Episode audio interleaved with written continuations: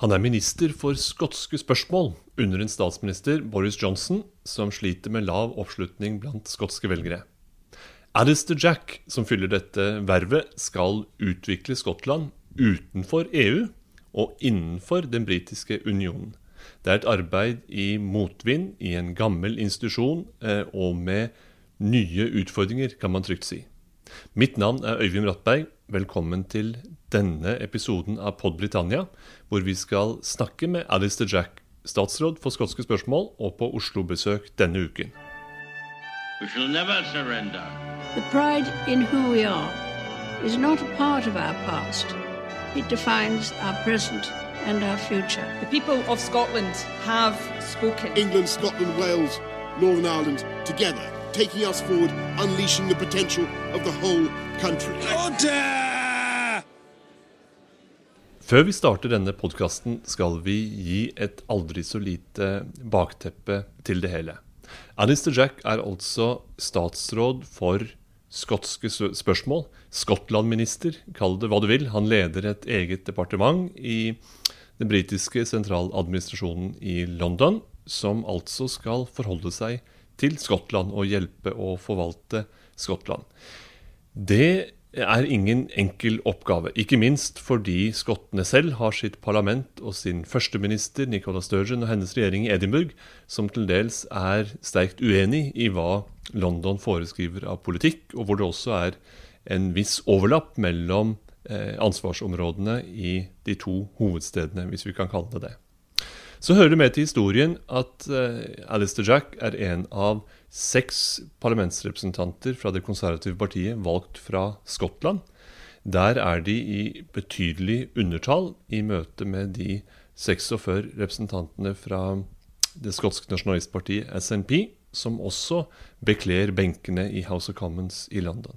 Et arbeid i motbakke, kan man tenke, samtidig som Alistair Jack representerer den britiske regjeringen med all dens tyngde fra London, og med alle dens eh, ambisjoner og verktøy som skal bidra til å holde Storbritannia samlet og suksessrikt.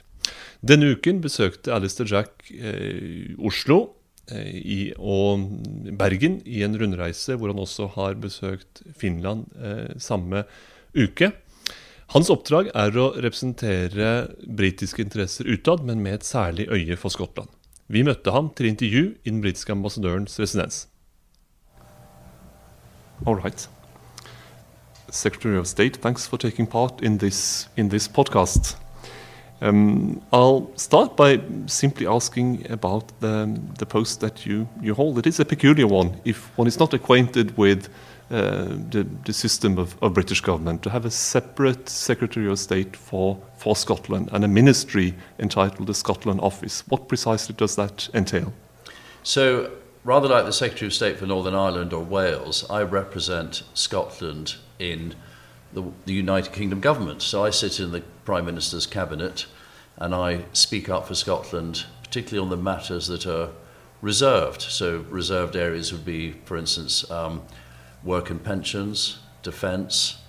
Uh, there are a range of other, for obviously foreign affairs come into it, but there are a range of other things that were not devolved at the time, and there the international trade would be another example, and obviously that's been part of this trip. So those are matters that are reserved to uh, Westminster, and I am Scotland's man, in this case, uh, in the Westminster government and the cabinet. Which means, in a sense, that you're Scotland's representative in cabinet, but also the cabinet's representative in, in Scotland, in a sense. Yes, I think that's a that's a very fair way of putting it. And and obviously, you know, when it comes to, for instance, the uh, funding and the furlough scheme we've had recently as we've gone through the COVID pandemic, it, you know, I am fighting uh, for for Scotland and Scottish jobs. Uh, and, and that's exactly as it should be. They, they, they, you, you know, there should be a strong voice for Scotland within the Westminster government, but also it, it's you know if, if you're the Secretary of State for Work and Pensions or Defence, you will also uh, have a remit that covers Scotland because these matters are reserved. But it's important that the Scottish dynamic is the, the case is pressed with those ministers by me. Um, the post of uh, Scottish Secretary or Secretary of State for Scotland has a fairly long prehistory. It dates all the way back to the 1880s, I, I believe. Yes. Um, although and we've it- always been at Dover House, on, uh, looking onto Horse Guards uh, parade ground in Whitehall. We've we've had the same office throughout all that period, and it's a it's an iconic building. It's one we're very proud of. A long and glorious history it is too, but but it is also a history that has changed profoundly over the last couple of decades, given the creation of, of a Scottish Parliament, uh, operative from 1999 onwards. Um, can you say a few words about how devolution to Scotland has changed the role that you perform as a minister representing the UK government vis-à-vis Scotland? Well, I wasn't involved in um, politics back in. In fact, I've only been involved in politics since 2017. So certainly back in 1999, when the Scottish Parliament was established, it was the Scotland Act in 1998 that set up the, uh, the, the Scottish Parliament. And the Secretary of State before then would have had more ministers and would have, the matters devolved like health and education would have been the responsibility of the Secretary of State, who would have had an office. He obviously had the office Dover House in Whitehall, I've mentioned, but he also would have uh, operated an office in Edinburgh. Now, we have an office in Edinburgh.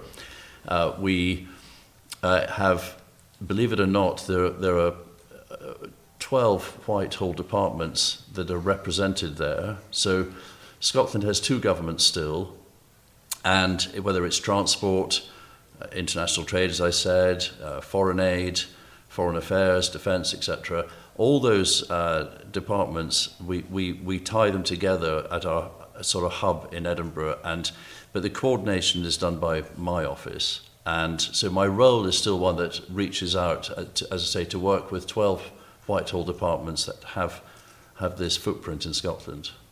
Uh, this also means that you, you do have to work in, in tandem with uh, a Scottish government in Edinburgh, which is currently composed of the Scottish National Party, a party that, that would like to seek independence from the UK.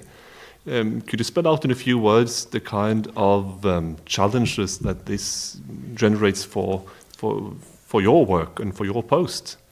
Yes, uh, you're absolutely right. And of course, when, when the Scottish Parliament was created by the Labour Party back in 1997 with a large majority they had at the time, and then there was a referendum, they established the Parliament not necessarily believing that uh, it, one day there might be a separatist government in that Parliament, and, and we're now in that position. So we have a government in Scotland that wants to leave the United Kingdom. And my job, is, along with the Prime Minister and others, is to strengthen the United Kingdom. So we're in a very uh, unusual, it's a very unusual dynamic that we have now. And it is challenging, but you know, our, our position is very clear. We believe that uh, Scotland's two governments should work together, and that's entirely what we seek to do. We want to be collaborative for the good of the Scottish economy. We, we, uh, we had that, we've obviously had the challenge of the pandemic. We had a very successful vaccine program, and we saved lives.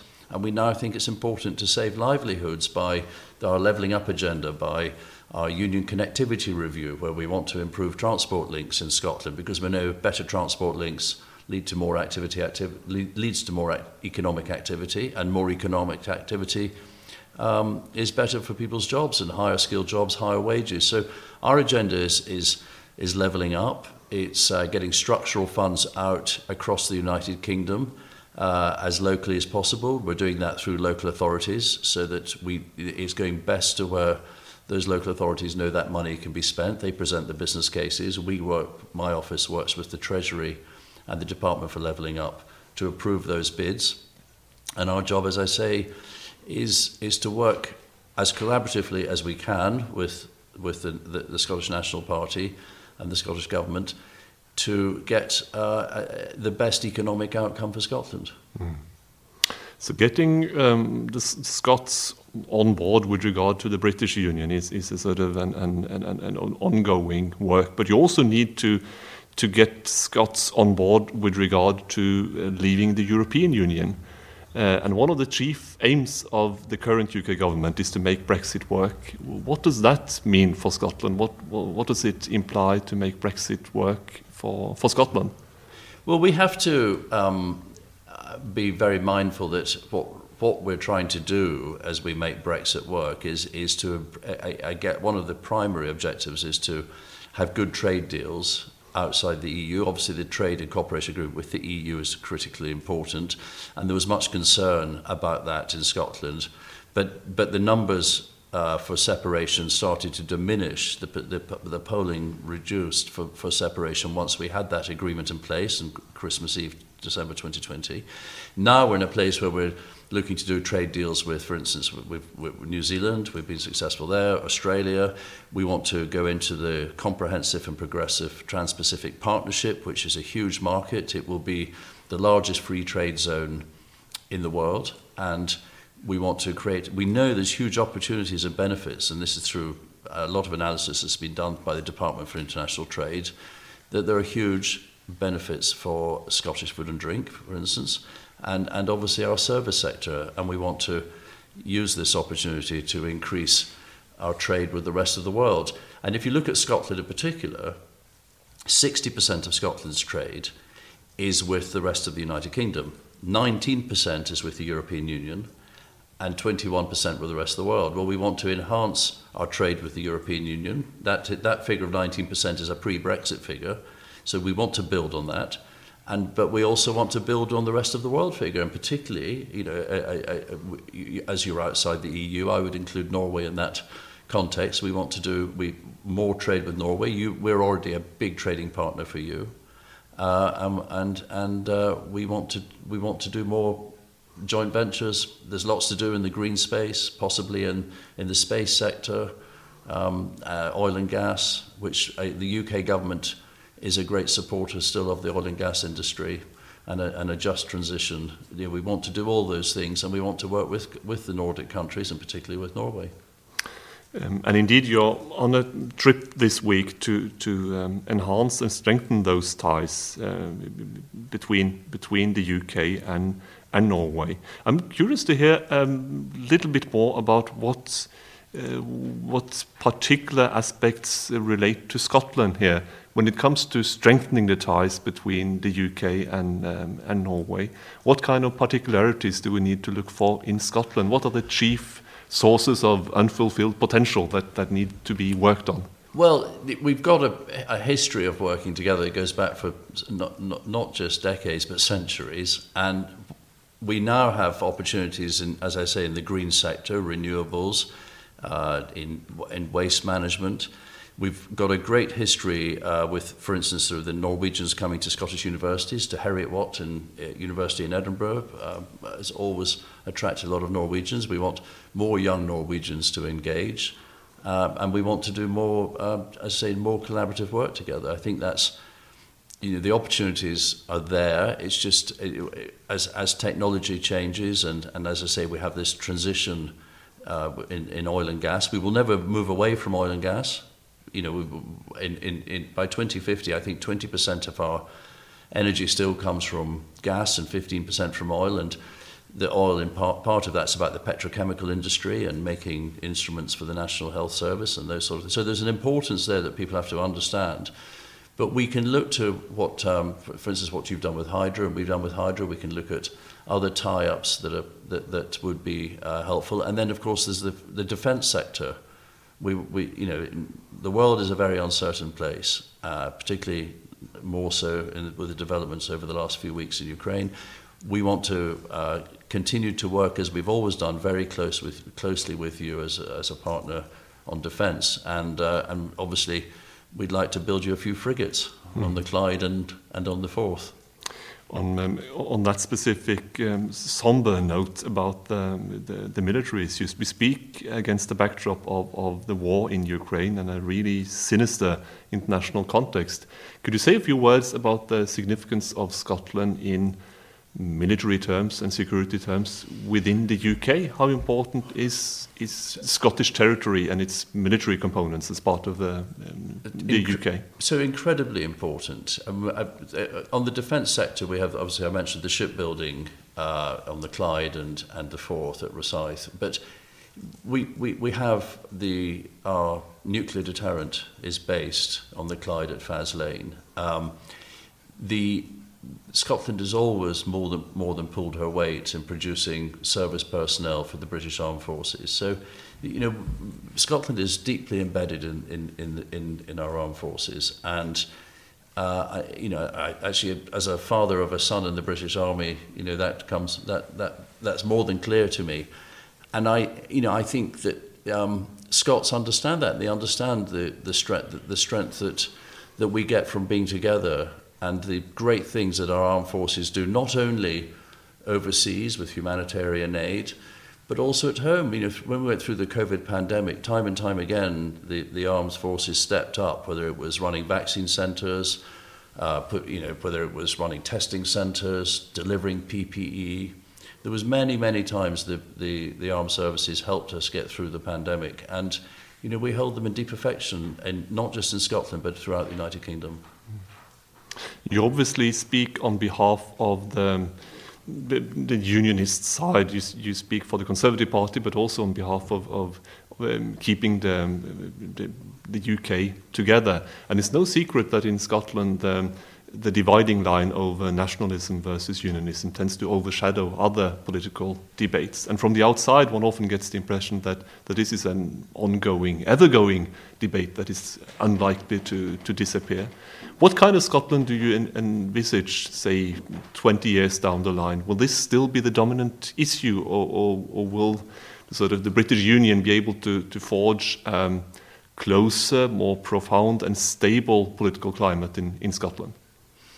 I mean, the, the British government is very much about strengthening the United Kingdom, and I think as we move further away from Brexit, which was obviously a, a big moment in terms of the relationship in, in, between Scotland and the rest of the United Kingdom because if you look at the percentages on the on the Brexit vote, as that's further in the rearview mirror, as we move into our trade deals, with the response we've seen to the pandemic, you know there was um, over 14 billion pounds of extra support went into Scotland. There was a furlough scheme that supported over 900,000 jobs. People are seeing the benefits of being part of the United Kingdom.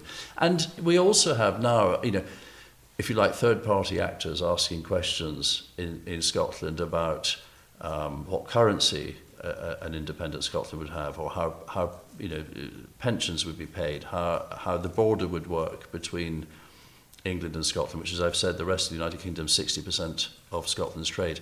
All of those things are, are, are, in people's minds, and they, they, because the nationalists have sought to press on with, with a desire for a second independence referendum, you know, that has encouraged commentators to write about these things. And we're seeing the numbers, uh, we believe, for wanting a referendum reducing, uh, wanting one in the next year, wanting one in the next three years. The numbers are, are, in, the, are in the 20s of percent. And, and the numbers wanting uh, independence are in the minority. And I hope that by showing the strength of the United Kingdom and the great things we can do when we're united and working together, we'll keep pushing the figures uh, uh, for, as I say, us all holding, you know, being stronger together. Alister Jack, thanks very much for taking part in this interview. Thank you. Thank you very much. We shall never surrender. The pride in who we are is not a part of our past. It defines our present and our future. The people of Scotland have spoken. England, Scotland, Wales, Northern Ireland, together, taking us forward, unleashing the potential of the whole country. Order!